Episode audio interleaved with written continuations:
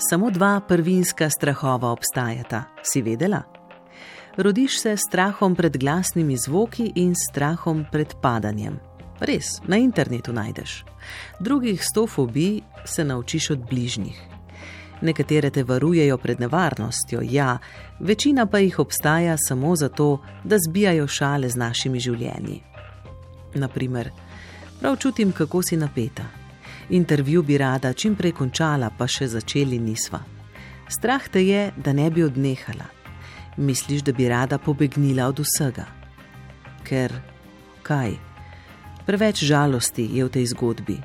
Prevečkrat so moje ime vlačili po blatu. V tej zgodbi ljudje umrejo. V njej izgubim še tisto malo, za kar mi je mar. Vajena si, da bi hotel vsak normalen pobegniti od tega. Ja, lej, za me je to vse, kar mi resnično kaj pomeni. Moja izbira že dolgo ni med srečo in nesrečo, moja izbira je med nesrečo in ničimer. Ubi me ampak izbrala sem prvo. Takole, stavki, ki ne napovedujejo ničesar lahkotnega, se začne roman Cigan, ampak najlepši hrvaškega pisatelja Kristjana Novaka. Ker je Novak ta hip najbrž največja literarna zvezda pri naših južnih sosedih, ni presenetljivo, da smo v prevodu Đurđe Strsoglavec, slovenci Cigana, ampak najlepšega v branje dobili že predlani, vsega štiri leta po izidu izvirnika torej. No, gledališka kostumografinja in scenografinja Katarina Zalar pa ga je v roke vzela lani poleti.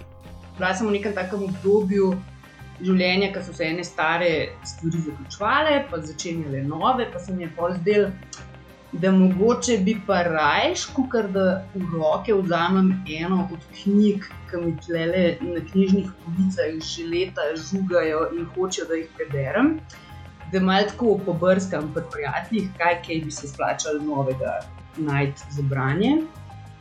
In mi je prijateljica predlagala ta roman, ki mi je bil tako, ah, ok. Rekla je, fulno navdušeno, fulno je dober roman, super je za brati.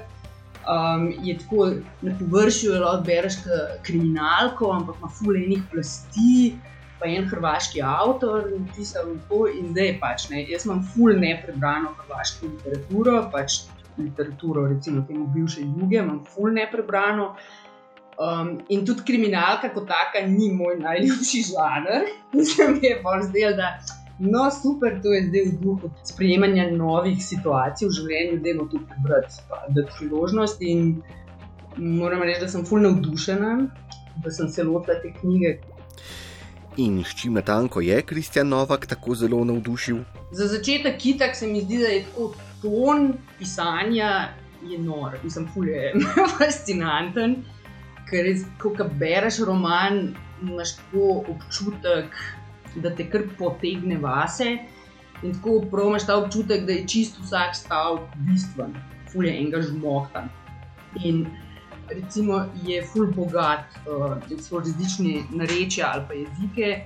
Imamo noter hrvaščino, ki razumem, je prevedena v slovenščino, pa pol nek ta međimurski naglas je prek murščina, tako da tudi v tem smislu zahteva mogoče malo več uh, enega angažmaja, ki bereš prek murščino, je res tako, kaj, uh, kako in pol moš parkrat na začetku prebrati, mislim, vsaj jaz in te pol to tudi na nek tak poseben način zapelje v roman. Um, eni deli so, ne vem, malo arabščine, pa romščina je prisotna. In že sam ta uporaba jezika daje eno tako bogato dimenzijo tem likom, ki jih spremljamo, tako njihovim intimnim zgodbam, pa tudi v bistvu kulturam, iz katerih izhajajo. Če se v ciganu, ampak najlepšem, pojavijo govorci knjižne in medžimurske hrvaščine, pa tudi romskega in celo arabskega jezika, tedaj se seveda lahko vprašamo, kdo neki so junaki romana, kakšno zgodbo tu pravzaprav napleta Novak. Mislim, v prvi vrsti je pač tako, rekla bi, da je to ljubezenski roman, pa je malo kriminalka, pa hkrati je družbeno kritičen, absolutno roman in se te zgodbe štirih likov se na nek dosti kompleksen način med sabo pripletajo in imamo pač te že omenjene štiri glavne like, to je pač naslovni junak, cigan, ampak najlepši uh, Sandy. To je 20-letni Rom, ki živi v romski skupnosti v Međimurju, roman se dogaja v Međimurju. Um, in poskuša v bistvu nekako se izmazati iz tega, kar mu je nekako bilo dano. Se zaljubi v drugi lik, ki ga spremljamo, Mileno, to je Hrvatica, ki je enkrat starejša od njega, torej 40-letna ločenka, ki se je iz velikega mesta preselila v svojo rodno vas. In um, potem imamo Kurda, ki je iz Mosula šel na dolgo pot v iskanju boljšega življenja v Franciji, Muzat. In pa imamo še četrti lik, ki malo pokrovno povezuje, pa dela roman tako kriminalen. Ne? Uh, je pa še nek PR-ovc hrvaške policije, uh, Plančič. In vsi ti štirje liki so res tako, vsak je pisan z zelo jasnim glasom.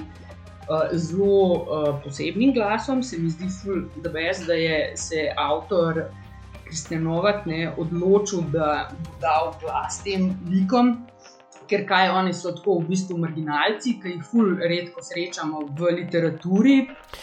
Junakov, ki jih spremljamo v Novakovem romanu, v literaturi morda res ne srečamo prav pogosto, a Katarina Zalar pravi, da jo je cigan, ampak najlepši, po svoje vendarle spominjal na eno najslavnejših zgodb v vsej svetovni književnosti.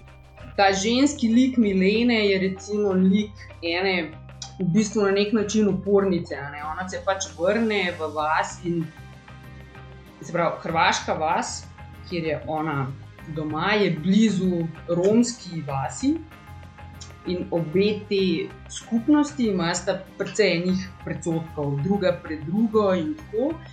In ta ljubezenska zgodba, ki se dogaja pač med Sandijem in Mileno, se mi zdi, da vsem kaže na to, da pač to ženska, ki je mogla se pač odločiti, da reče ne, jaz bom pač tako nekako si dovolila imeti razmerje, ki ni sprejeto pač od skupnosti. Mal mi je tako. Da bereš to ljubezensko zgodbo, tako Romeo in Julija. Ne le uvod, ki smo ga slišali, tudi ta le primerjava z Romeom in Julijo ne obeta ničesar dobrega za naše junake. To lahko določno čutimo, kaj ne, pa če tudi na tem mestu niti ne razkrijemo, kako se v to šekspirsko zgodbo na vse zadnje uplikata kurdski begunec Snuzat in policist Plančič.